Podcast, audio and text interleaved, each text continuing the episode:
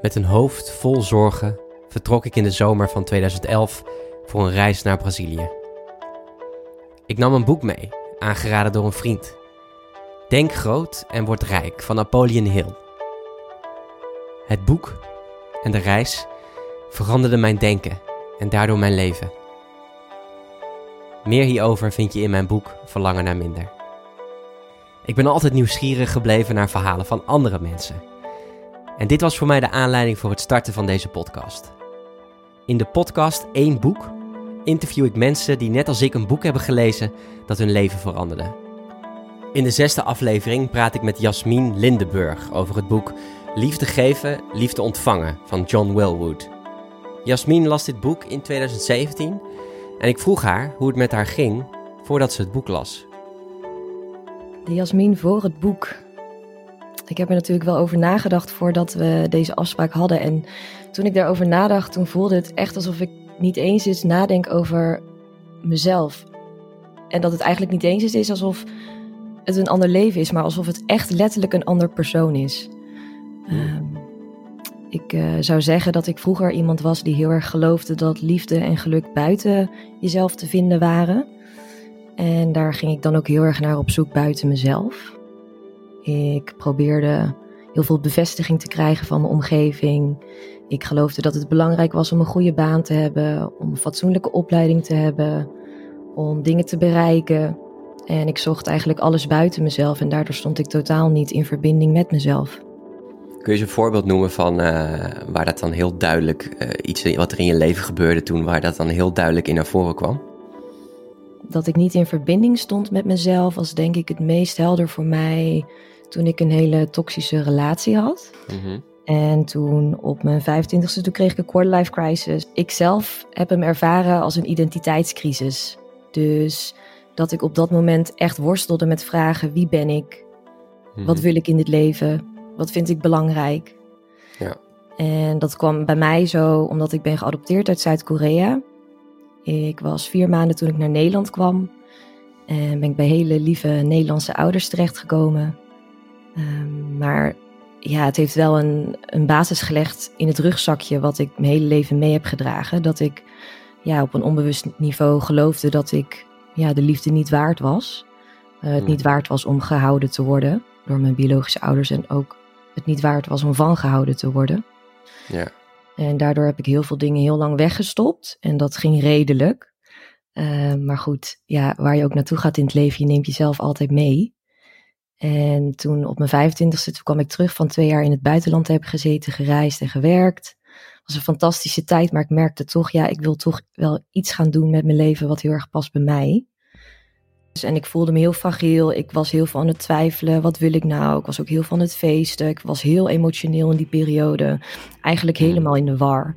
Mhm. En toen ontmoette ik dus een, uh, mijn toenmalige vriend.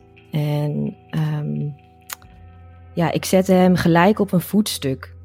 Uh, ik was zelf zo onzeker over mezelf en wat ik wilde met mijn leven en wie ik dan was. En ik zag hem echt als iemand die heel zeker was van zichzelf. En daardoor zette ik hem dus gelijk op een voetstuk, waardoor we al niet uh, gelijkwaardig begonnen. En uiteindelijk kregen we een relatie. Uh, zijn we zo'n drie jaar samen geweest. Maar was het heel erg toxisch. Ja, heel veel ruzie. Um, ja, als ik er ook over praat, dan is het best wel gek. Maar om bijvoorbeeld een voorbeeld te schetsen. Uh, hij had een uh, nogal manipulatieve persoonlijkheid. Uh, dus alles wat hij deed, dat deed hij heel erg doordacht. En hij vond het heel prettig, denk ik, dat ik hem op zo'n voetstuk zette. En dat ik eigenlijk steeds meer hem ging pleasen. En steeds verder van mezelf verwijderd raakte. Wat, wat bijvoorbeeld gebeurde dat noemen ze dan gaslighting in de psychologie. Was dat hij dan dingen aan mij vertelde, dingen tegen mij zei. En dat ik daar dan later op terugkwam en dat hij dan zei: Dat heb ik nooit gezegd. Um, bijvoorbeeld uh, op het moment dat ik het heel graag wilde uitmaken, omdat het altijd zoveel drama was. En ik voelde wel ergens van: Ja, dit werkt gewoon echt niet. Dit is echt niet goed voor mij. Ik ben mhm. veel te gespannen de hele tijd. Dit is niet wat liefde hoort te zijn.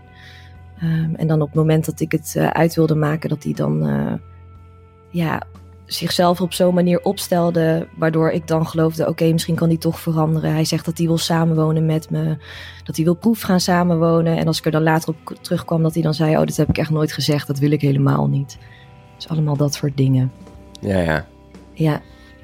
Waardoor je toch wel weer probeerde en je in een soort cyclus terechtkwam uh, die totaal niet gezond was. Ja, en het gekke was eigenlijk dat na een jaar, anderhalf jaar, dat ik wel voelde: dit werkt gewoon echt niet. En dit is helemaal niet gezond voor mij, maar ik kan het gewoon niet stoppen. En dat ik toen ook letterlijk tegen hem heb gezegd: Ik kan deze relatie niet beëindigen. Jij moet dat doen. Nou, hoe afhankelijk wil je het hebben?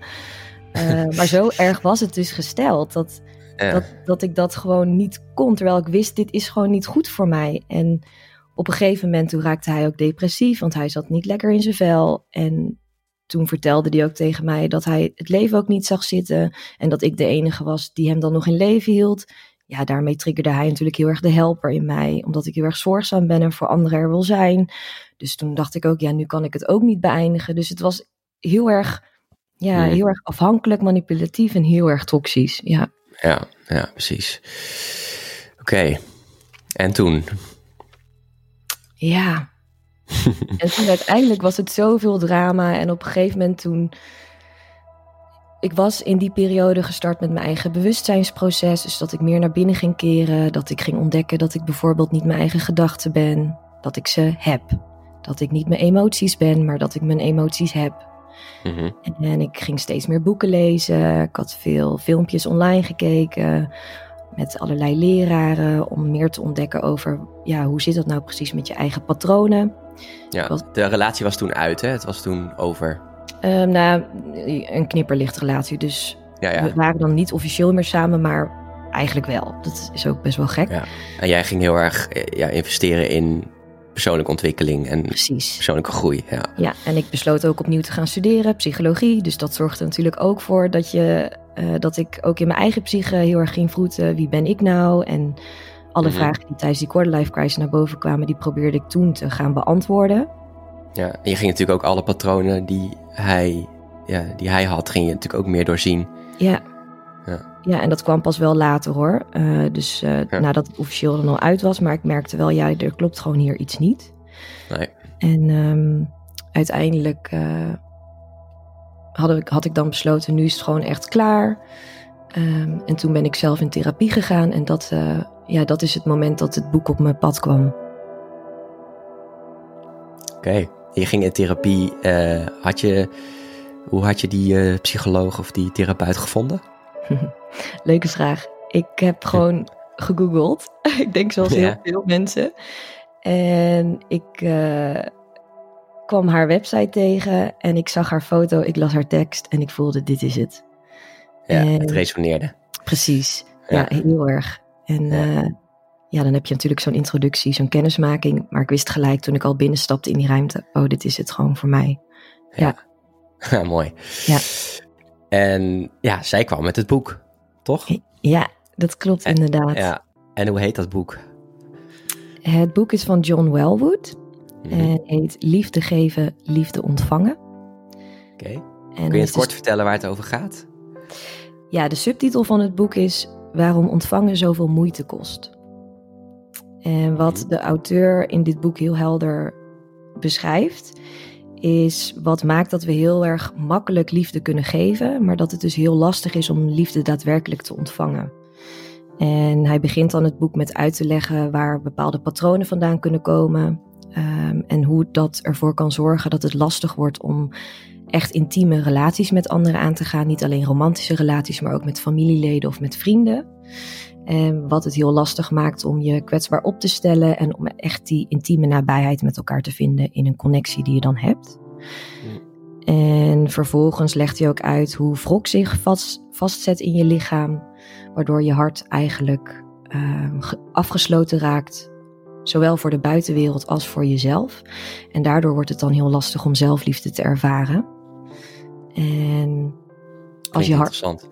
Ja, zeker interessant. En als je hart eenmaal afgesloten is en je kan geen zelfliefde ervaren, dan wordt het ook heel lastig om liefde te ontvangen. Mhm. Ehm, het is heel makkelijk om liefde te geven, tenminste dat, dat, dat vinden de meesten wel makkelijk.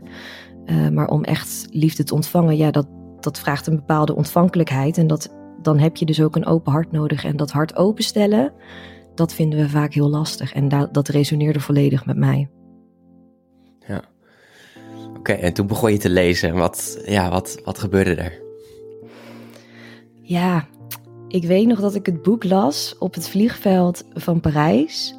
Toen wachten we op het vliegveld, ik en uh, een aantal vriendinnen, um, om weer terug te gaan naar Nederland. En ik weet nog dat ik daar een metafoor las wat de auteur had geschreven. Uh, metafoor van een raam. Dat je hart eigenlijk is als een raam. En dat iemand niet jouw liefde kan geven, maar dat iemand wel dat raam van je hart kan openzetten, zodat de liefde die al in jou zit, dat die kan gaan stromen. En ik weet nog dat ik dat las en het was alsof het hele vliegveld waar ik zat, alsof dat er heel even niet meer was en alsof ik volledig één was met het boek en die letters mm. en, die en dat papier van het boek. Uh, echt alsof er echt een kwartje viel. Ja, heel herkenbaar. Mooi. Ja. Ja. ja, en het grappige is dus, ik ben daarna natuurlijk al in één ruk las ik dat boek uit. Uh, en dat, ik heb het boek altijd onthouden. Ik heb het altijd aan anderen aangeraad als ze met dit thema bezig waren. Uh, omdat ik geloof dat het iedereen kan helpen, omdat het mij zoveel heeft geholpen. Um, en ik dacht letterlijk dat de auteur dus een heel hoofdstuk aan dat metafoor had gewijd. Uh, maar toen las ik het dit jaar weer terug, het boek. En toen bleek het slechts een alinea te zijn. Dus dan kan je dus zien hoe groot zo'n impact is van, van slechts een paar woorden. Maar voor mij was het. Een groot hoofdstuk. Ja. ja. precies. Datgene wat ik echt nodig had. Ja. Wauw. Uh, ja, en, en ja, je ging naar Parijs. Je, uh, daar heb je het boek natuurlijk in, in één ruk uitgelezen. Uh, wat deed het nog meer met je?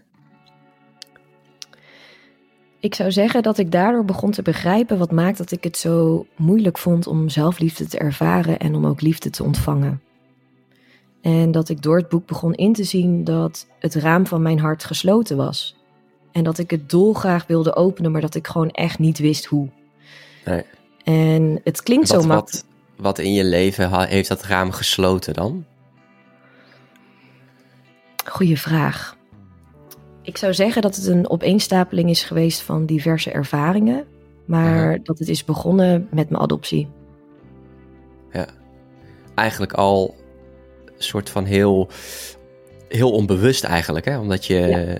ja, dit is niet iets wat je ja, je, bent, je bent een kind en ja, je ziet niet direct, je herinnert je niet direct wat er gebeurt, maar je bent geadopteerd. En dus zou je dus al kunnen zeggen dat er al onbewust al een soort afwijzing in je zit.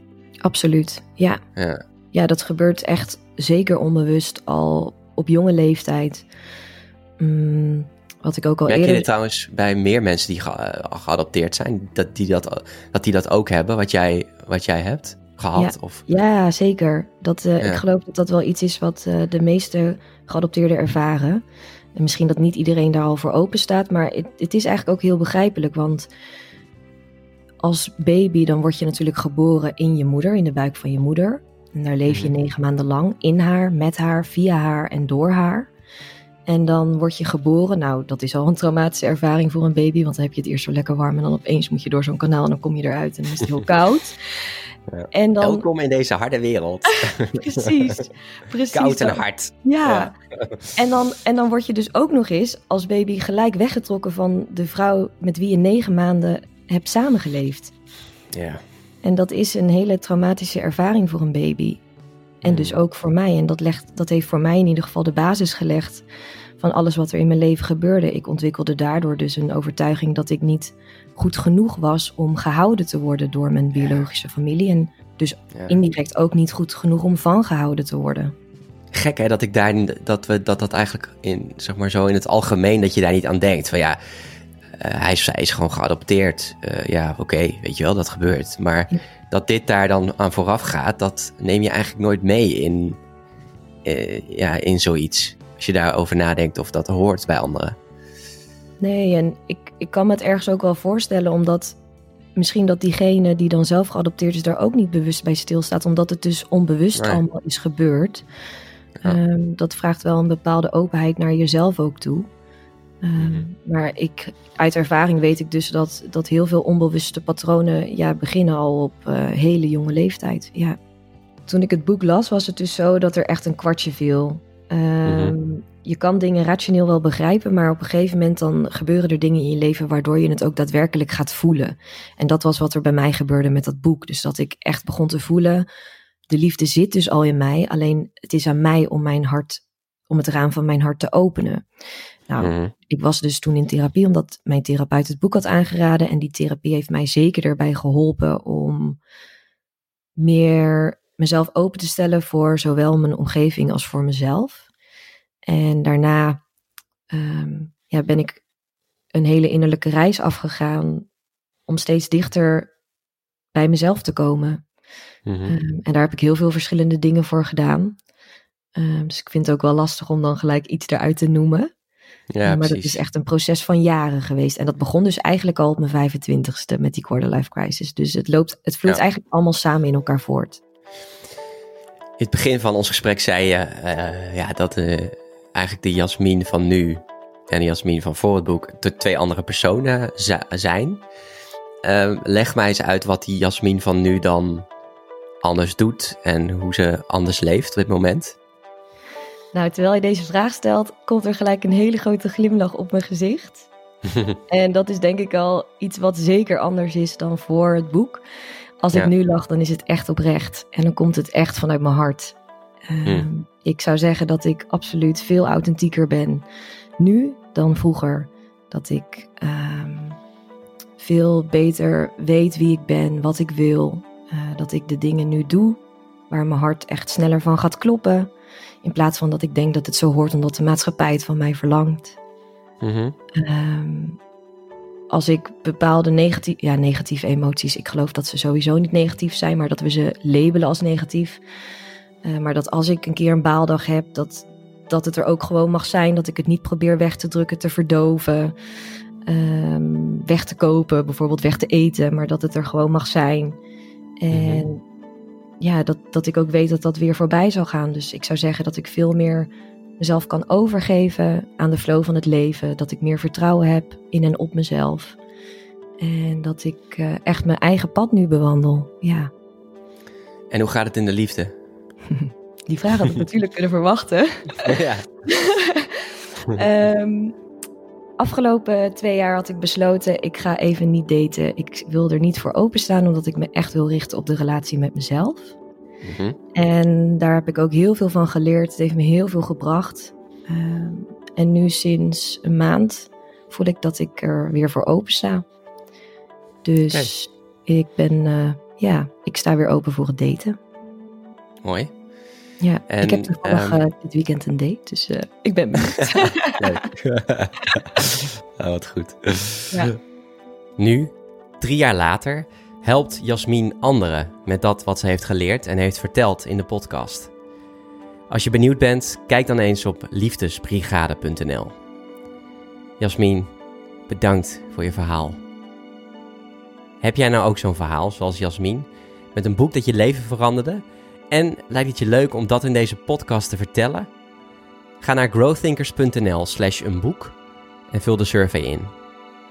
Bedankt voor het luisteren en tot de volgende aflevering van 1 boek